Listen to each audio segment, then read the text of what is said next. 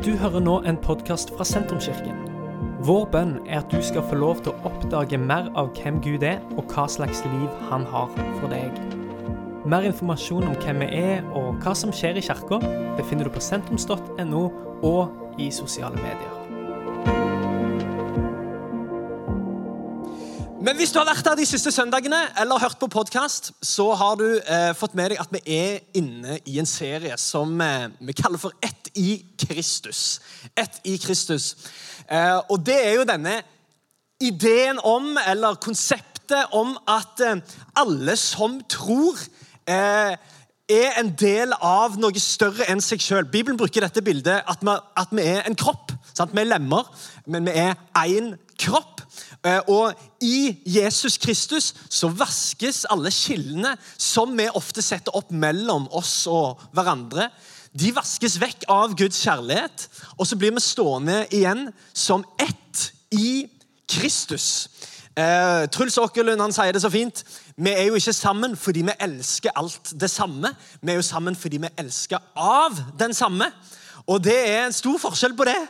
Uh, vi er en, en, menighet som ikke kommer sammen fordi vi er helt like, fordi vi liker alt det samme, ser på det samme på TV, spiser det samme smågodtet. Nei, vi er sammen fordi vi har én ting til felles, og det er at vi er frelst av nåde ved tro gjennom Jesus Kristus. Hørte jeg et halleluja iblant oss? Ja, tre stykker. Veldig bra. Men det er sant! Vi er her fordi vi elsker av Han. Og um, Sist søndag så, eh, her i Sandnes så eh, var altså Per Eivind på mikrofonen. Jeg hørte på podkasten. tok oss egentlig gjennom at det fins en, en, visjon eh, helt fra første Mosebok. Som, eh, som Det fins en slags rød tråd fra første Mosebok og Abraham.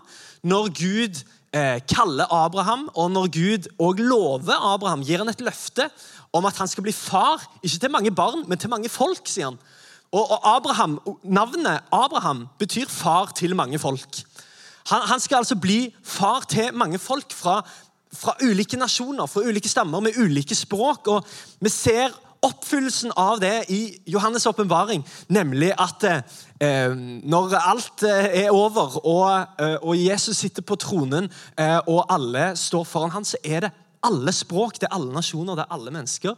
Eh, det er alle hudfarger, det er alle kjønn, det er alle etnisiteter. Vi står foran han, og vi tilber han alene. Så det fins en, sånn, en sånn gjennomgående visjon her.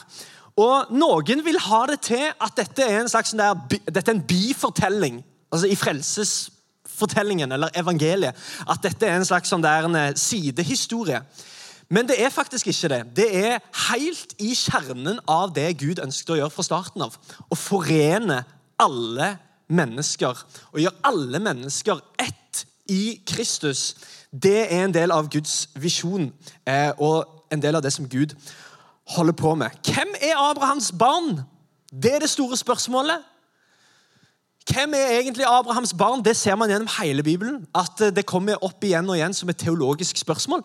Er det sånn at eh, du må være, eh, liksom, ha biologien i orden. Du må vise til liksom, slektstreet at far min og far, far, til far min og farfaren til far min og fars far til far, farfaren min eh, tilhørte Abraham. Eller er det sånn som Paulus legger ut for oss i flere av brevene, at eh, Gud gjorde Abraham rettferdig fordi han trodde. Og alle de som tror, er derfor òg barn av Abraham. Det, ikke, det, handler ikke om biologi, det handler om noe større enn det. noe mer enn det. Og Derfor er det også sånn at når Jesus refser fariserene Fariserene, altså de som brukte store ord og, og, gjorde alle de riktige tingene i handling, men deres hjerter var langt vekke fra Gud, står det. De, de, gjorde alle de riktige tingene, de sa alle de riktige tingene, så ut som de var helt perfekte, men deres hjerter var egentlig langt vekk fra, fra Gud.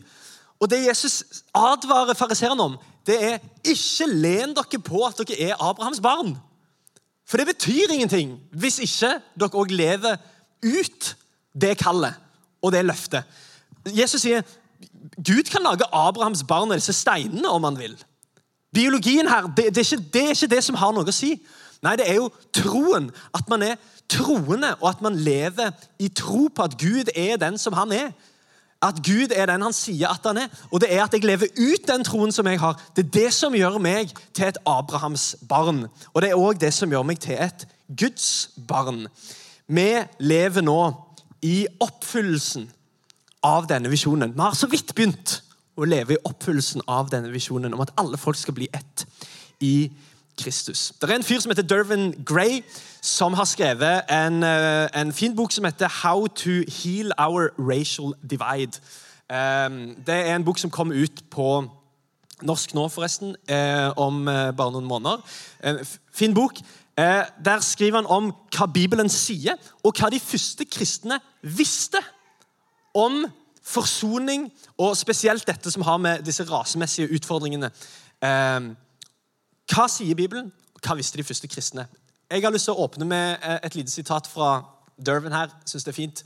Det er ingen etnisk overlegenhet, politisk idolisering, kristen nasjonalisme eller rasisme i den framtiden alle som tror på Kristus, arver og deler.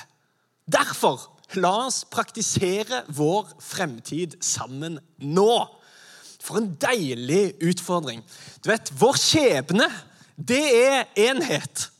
Vår skjebne, der som vi alle sammen er på vei som kristne, det er eh, himmelen, for å si det rett ut. Og himmelen, der er, det ingen, er det ingen etnisk overlegenhet. Det er ingen som er større enn andre der. Der er det ikke noen politisk idolisering. Det er ikke nasjonalisme eller rasisme. Nei, i den framtiden som vi alle sammen arver og deler, der er det bare én konge, og der er det bare ett folk. Og så sier han derfor La oss praktisere vår framtid nå. La oss praktisere vår framtid nå. Og Det er overskriften min for eh, de neste minuttene. her, At vi skal lære oss å praktisere framtiden nå. Hva handler det om, spør du? Eh, tusen takk. Jeg kan gi deg et eh, hint, eller i hvert fall tre punkter, på hvordan vi kan praktisere vår framtid nå. Og Det første er ved å følge Jesus. Hvordan kan vi praktisere den framtiden som vi alle sammen arver og deler, der det bare er én konge og der det bare er ett folk? Jo, med å forholde oss til at det er bare én konge. At det er bare én som vi følger. La oss praktisere framtiden nå ved å la oss lede av Jesus og bare Jesus. Jesus han er selve kilden til forsoning. Og Solveig begynte så fint denne serien med å peke på pinsedag. Der du ser en, en gjeng av mennesker som egentlig ikke har noe til felles. Plutselig så har de alt til felles. Fordi at eh, når folk blir fulgt med Den hellige ånd, så er det noen som peker på at mirakelet er at de får nye språk og tungetall. og sånn.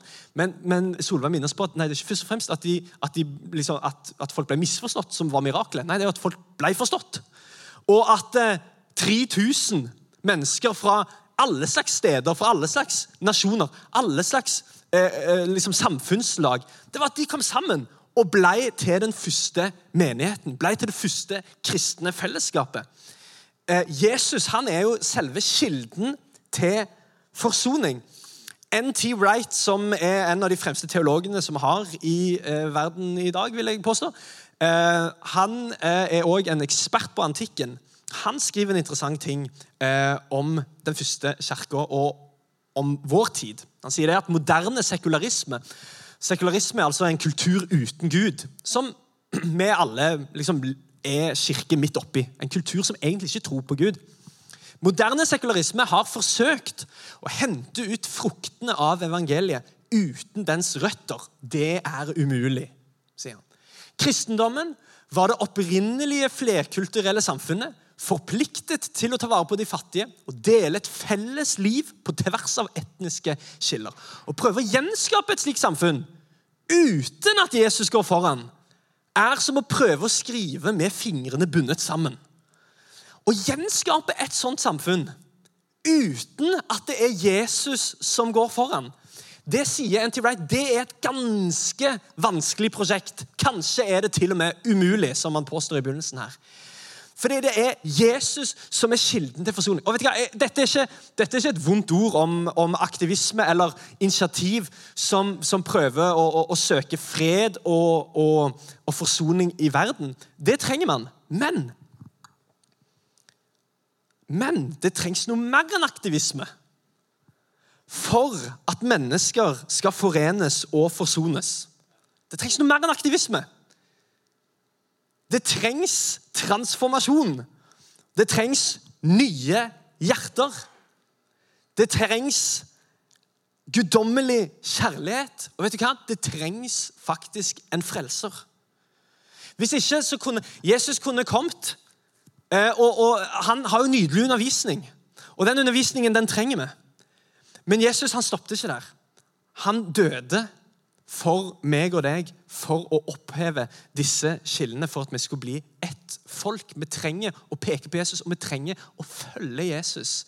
Hvis vi vil se, hvis vi vil se framtiden allerede nå, hvis vi vil praktisere framtiden allerede i dag, så trenger vi at det er Jesus som vi følger. Det er hans initiativ vi går etter. Og Kanskje så var det dette Martin Luther King visste.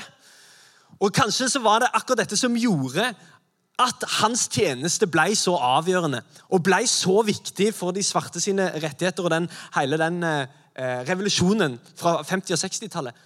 Nettopp fordi han fulgte Jesus. Han sier det på denne måten. Ved å åpne våre liv for Gud i Kristus blir vi nye skapninger. Denne opplevelsen som Jesus snakket om, som den nye fødselen, er essensiell hvis vi skal bli forvandlede nonkonformister altså, Nonkonformister er jo folk som ikke føyer seg etter normene i samfunnet.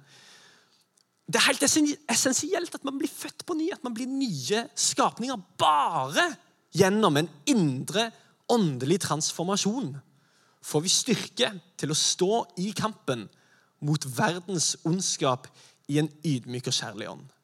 Ja, bare gjennom en indre åndelig transformasjon.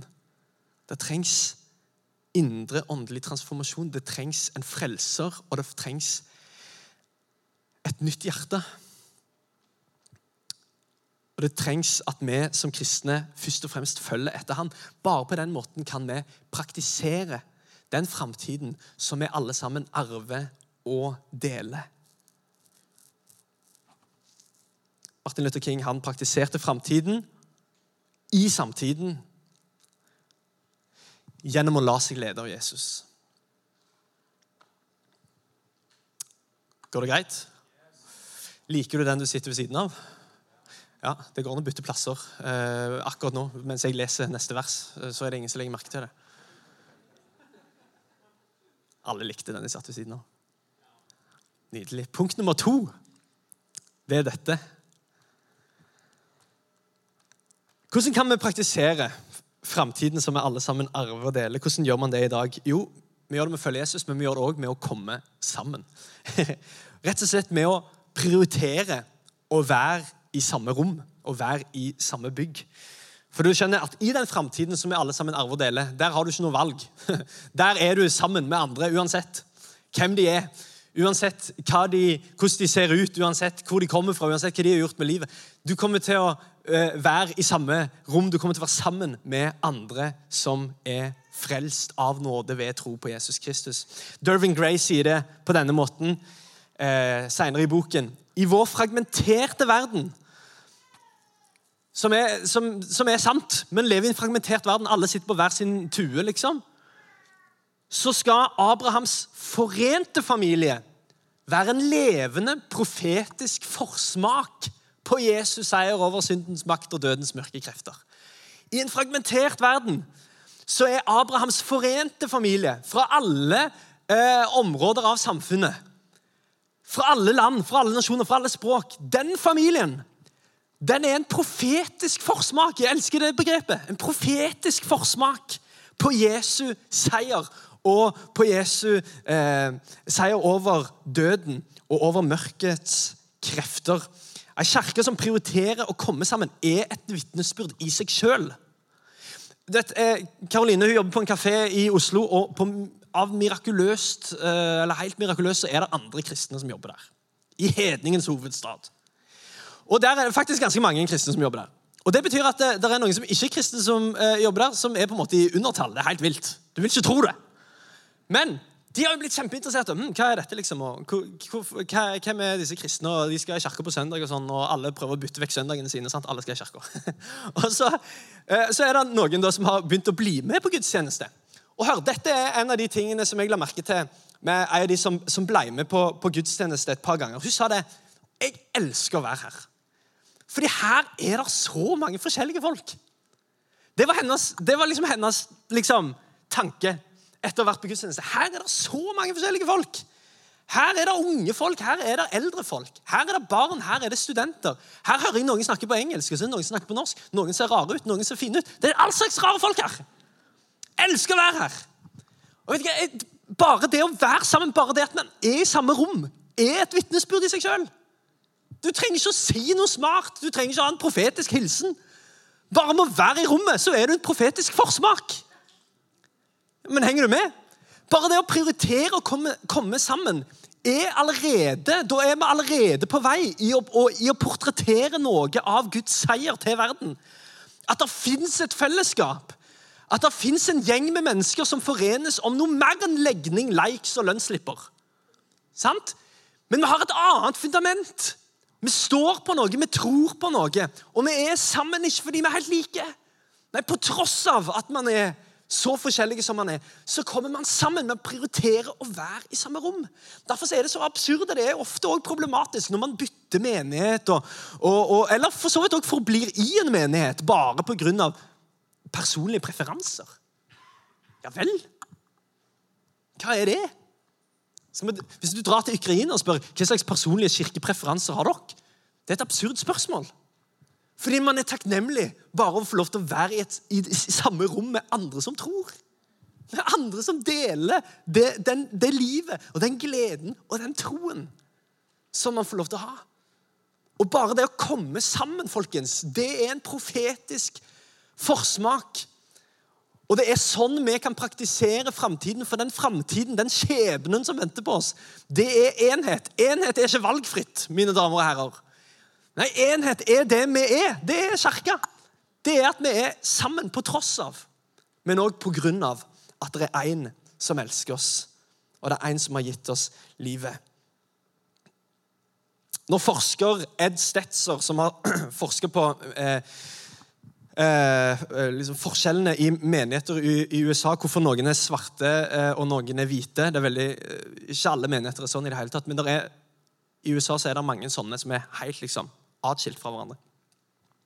Og Det som er interessant i den forskningen som han har gjort, det er at han kommenterer eh, sånn som dette. Han sier at amerikanske kirkegjengere liker ideen om mangfold. De bare liker ikke å være sammen med folk som er annerledes enn de sjøl. og det treffer oss jo. For er det ikke litt sånn òg? Vi, vi, er veldig fan av ideen om mangfold i vårt samfunn sånn generelt. Superfan! Mangfold! og alle, det, overalt. Og vi skal liksom bryte ned hver en mur og hver et skille. Liksom. Og ah, det, mangfold er liksom tingen. Men det er ikke så fryktelig mange som liker å være sammen med andre som er annerledes. Ja, men Mangfold er bra, så lenge alle tenker likt som meg. Og jeg er en mangfoldsaktivist, og jeg står med alle andre som er mangfoldsaktivister. Skjønner du? liker jo ideen om mangfold, men Men kanskje så er det sånn at man, hvis man er litt ærlig Du skjønner, Bare det å være i samme rom Bare det å prioritere å komme sammen Ikke fordi at du er så lik alle de som du kommer sammen med. Ikke fordi du deler så himla mange interesser engang. Bare være i rommet. Det er et vitnesbyrd. Det er en profetisk forsmak. Det, det, det forteller en historie. La oss praktisere framtiden nå med å prioritere å komme sammen til gudstjeneste, i småfellesskap, rundt middagsbordet, til nattverdsbordet. Fordi hver gang vi holder oss vekke fra fellesskapet, så blir vitnesbyrdet om Jesus seier svakere og svakere. Så det blir en sånn nisjegreie. Her er de som er helt prikkelike og går i akkurat de samme klærne spiser akkurat det samme og gjør akkurat det samme. Det blir en sånn nisjegreie. Men wow, for et vitnesbyrd. Når når det er mennesker fra alle samfunnslag, når det er mennesker med all slags lønn, når det er mennesker liksom, som ser forskjellige ut og snakker forskjellig, det er et vitnesbyrd. Det er et sterkt vitnesbyrd om at det fins et fundament, og det fins en frelser. Og Den tredje tingen som jeg ville ta fram eh, denne søndagen, det er det å leve hellig. Ja, hvordan, kan, hvordan kan vi praktisere framtiden nå? Den framtiden som vi alle sammen arver og deler? Jo, for det første med å ha Jesus som herre, med å ha Jesus som konge, følge etter ham. For det er han som er kilden til forsoning. Nummer to, ved å komme sammen. Det er et vitnesbyrd i seg sjøl. Men det òg å leve hellig. For du skjønner, den framtiden som vi alle sammen deler, det er en framtid der vi alle sammen er fullstendig helliggjort. Hellig betyr egentlig eh, Det betyr egentlig bare annerledes. Det er derfor Gud er hellig. Hvorfor? Fordi det er ingen som han. Ingen skal måle seg med han. Han er helt annerledes. Han er helt satt til side. Det er ingen, det er ingen andre guder. Det er ingen andre vesener som er i nærheten av Gud. Derfor er Gud hellig. Han er annerledes. Han er helt annerledes. Og Dette er også budskapet til Gud til israelittene. Fra, fra, dag én og fra Abrahams eh, tid så er det jeg, nå, nå, tar jeg deg, Abraham, ut. Jeg, jeg, jeg, gjør deg hellig. Du er satt til side. Og Det gjør han igjen og igjen med israelsfolket. Og han lærer dem fordi jeg er hellig, så skal dere være hellige. Fordi jeg er annerledes, så skal dere leve annerledes. Jesus han setter ikke eh, liksom, et strek over dette. Han, han understreker det. Og sier fordi at dere tilber eh, og tilhører en hellig Gud, ja, men så vær hellige. Lev hellig. Lev annerledes. Tør å leve annerledes. Vær et annerledes folk. Å praktisere framtiden i dag det handler om å tørre å leve annerledes. Det handler om å møte mennesker annerledes. Det handler om å vende det andre skinnet til. Det handler om å gå en ekstra mil. Det handler om å gjengjelde ondt med godt. Det ryktes at eh, moder Teresa en gang gikk inn på et bakeri for å spørre om eh, hun kunne få eh, noe brød som hun kunne dele ut til de fattige. Denne bakeren ble sånn opprørt av at hun kom og tigge om brød. Så han eh, sa ingenting, men bare spyttet henne i ansiktet og sa, 'Kom deg ut herifra'. Og Så fortelles historien sånn at hun bare, liksom, nesten uberørt av dette, tar bare opp et eh, eh lommetørkle, tørker det vekk, smiler til han og spør en gang til. Ja, 'Hadde du noe brød til de fattige barna?' Da klarte han ikke å, å, å holde på denne eh, sintheten, så han gikk og hentet noe brød. da. Og vi fikk dette, og det var ferdig. Da var historien over, liksom. Moder Therese er et deilig eksempel da, på å møte mennesker annerledes enn det som kanskje er logisk. Det er ikke nestekjærligheten som er unikt for kristendommen. Det kan man jo tenke, for Jesus han sier at vi skal elske vår neste som oss sjøl. Men det er egentlig ikke neste, den finner du i ganske mange religioner. Gjør mot andre som sånn du vil at eh, andre skal gjøre mot deg. Den gylne regelen den finner man i mange religioner, i mange livssyn. Mange som tenker sånn.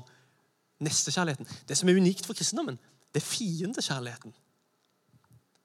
Det er at Jesus oppmuntrer oss ikke bare til å elske vår neste, men til å elske våre fiender. Og til å elske de som ikke ligner på oss. De vi ikke har noe til felles med til å elske de som ikke kan elske oss tilbake. Eller til og med de som ikke vil elske oss tilbake. Og I Jesus' sin undervisning så sier han det på denne måten. Han sier å elske de som elsker dere, det er jo ingenting å gi applaus for. Sant? Å vise godhet mot de som viser godhet mot deg, ja vel, hvem gjør ikke det? Men dere tilhører en hellig Gud. En annerledes Gud. Så vær annerledes. Vær hellige og vær annerledes. Gjengjeld ondt med godt. Det handler om å praktisere framtiden nå. Jeg skal eh, lese noen vers her til slutt. Paulus han oppsummerer for oss eh, i Efeserbrevet 2. Egentlig hele Efeserbrevet. Hvis du syns dette er et spennende tema, kan du gå inn i Efeserbrevet. Hele Feserbrevet har egentlig denne overskriften 'Ett i Kristus'. Det er noe av det som man virkelig prøver å liksom slå fast. Jeg skal lese fra en oversettelse som heter En levende bibel. Den er litt annerledes. Det er litt flere ord eh, enn det du finner kanskje i din, men den forklarer en del ting underveis her. Jeg hadde lyst til å lese dette fordi det forteller oss eh, så eh, fint eh, hvordan dette henger sammen. Paulus han, eh, han, er veldig opptatt av i Efeserbrevet å forklare. For det, var, det, var, det, var, det oppsto forvirring i den første kirka.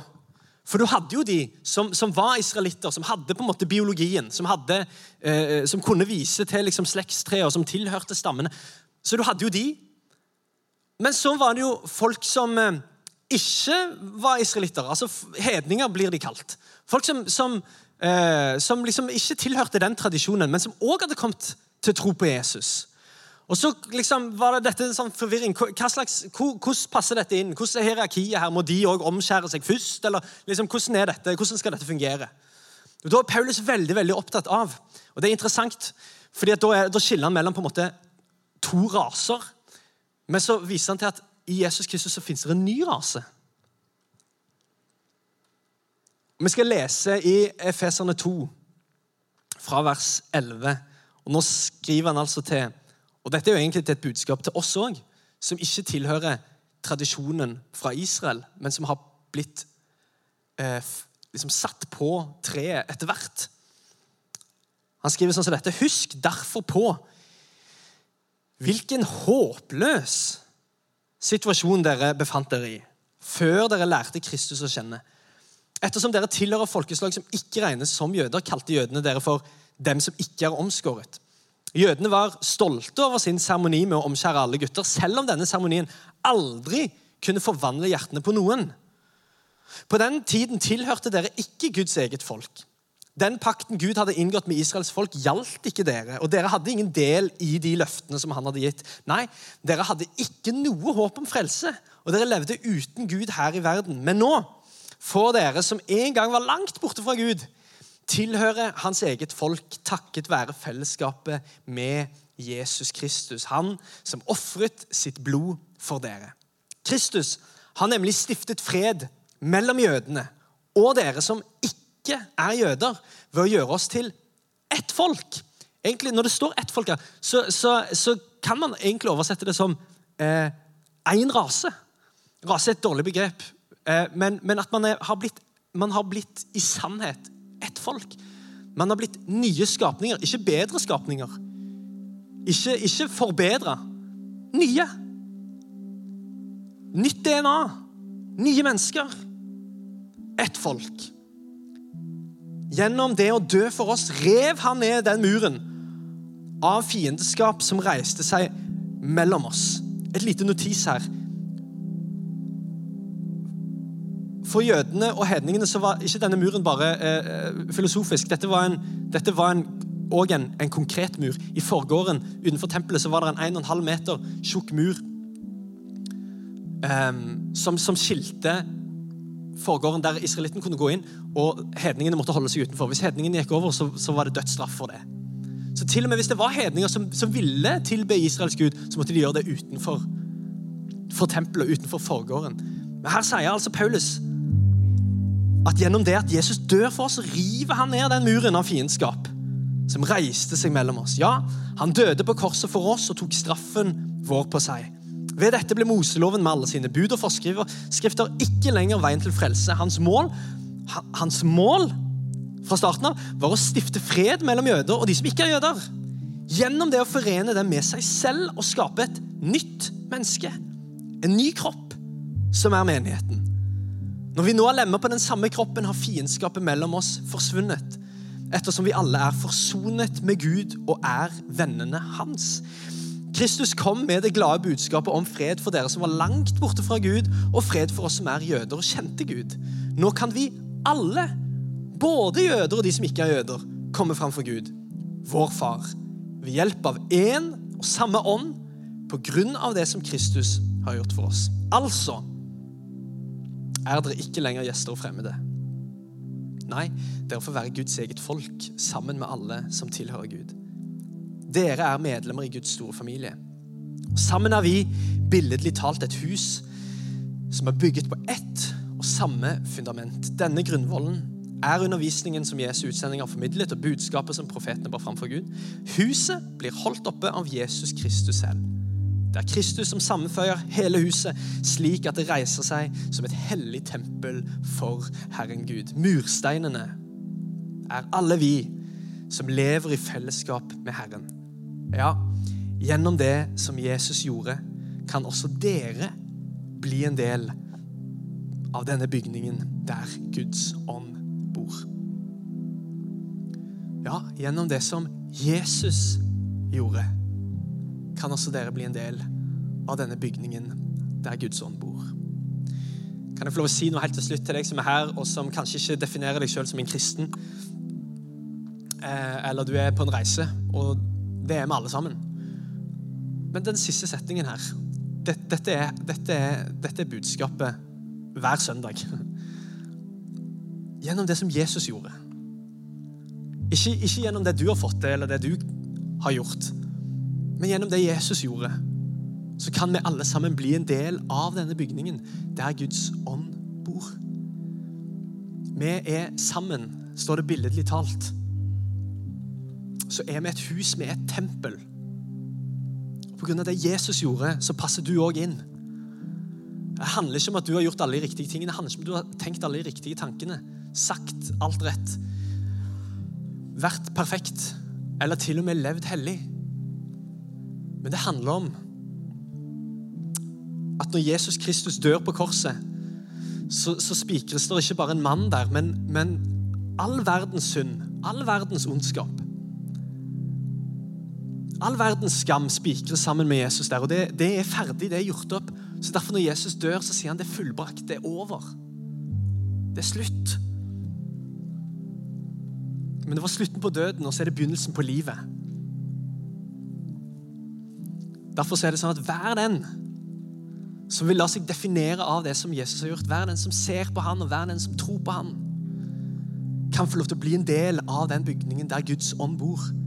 Kan få lov til å ta imot Den hellige ånd, få lov til å leve livet med en annen kraft og et annet fundament.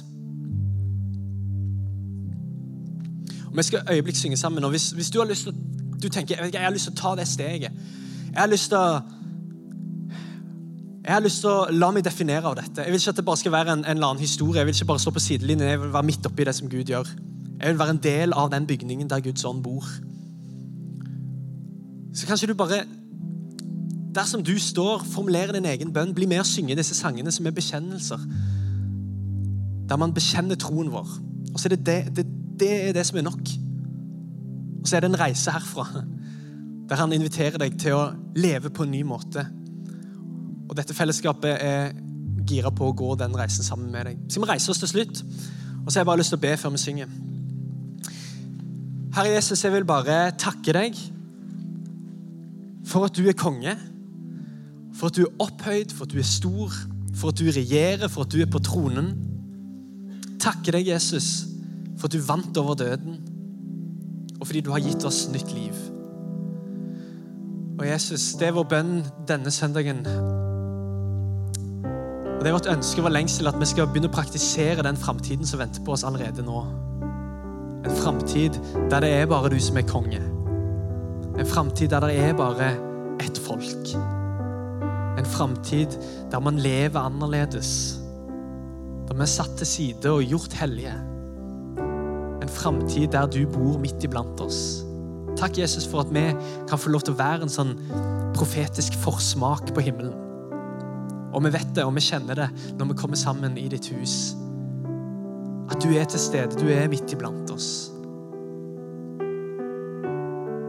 Vi lener oss mot deg i dag, og vi sier Kom og vær på tronen av våre liv, våre hjerter.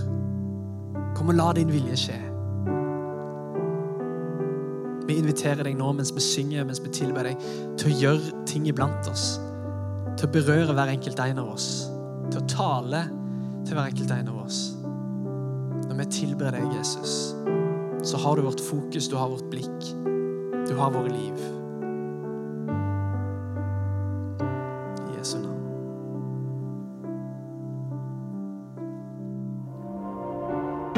Dette er slutten på denne podkastepisoden. Har du spørsmål om Jesus, om tro, om livet, så er du hjertelig velkommen til å ta kontakt med oss via sentrums.no.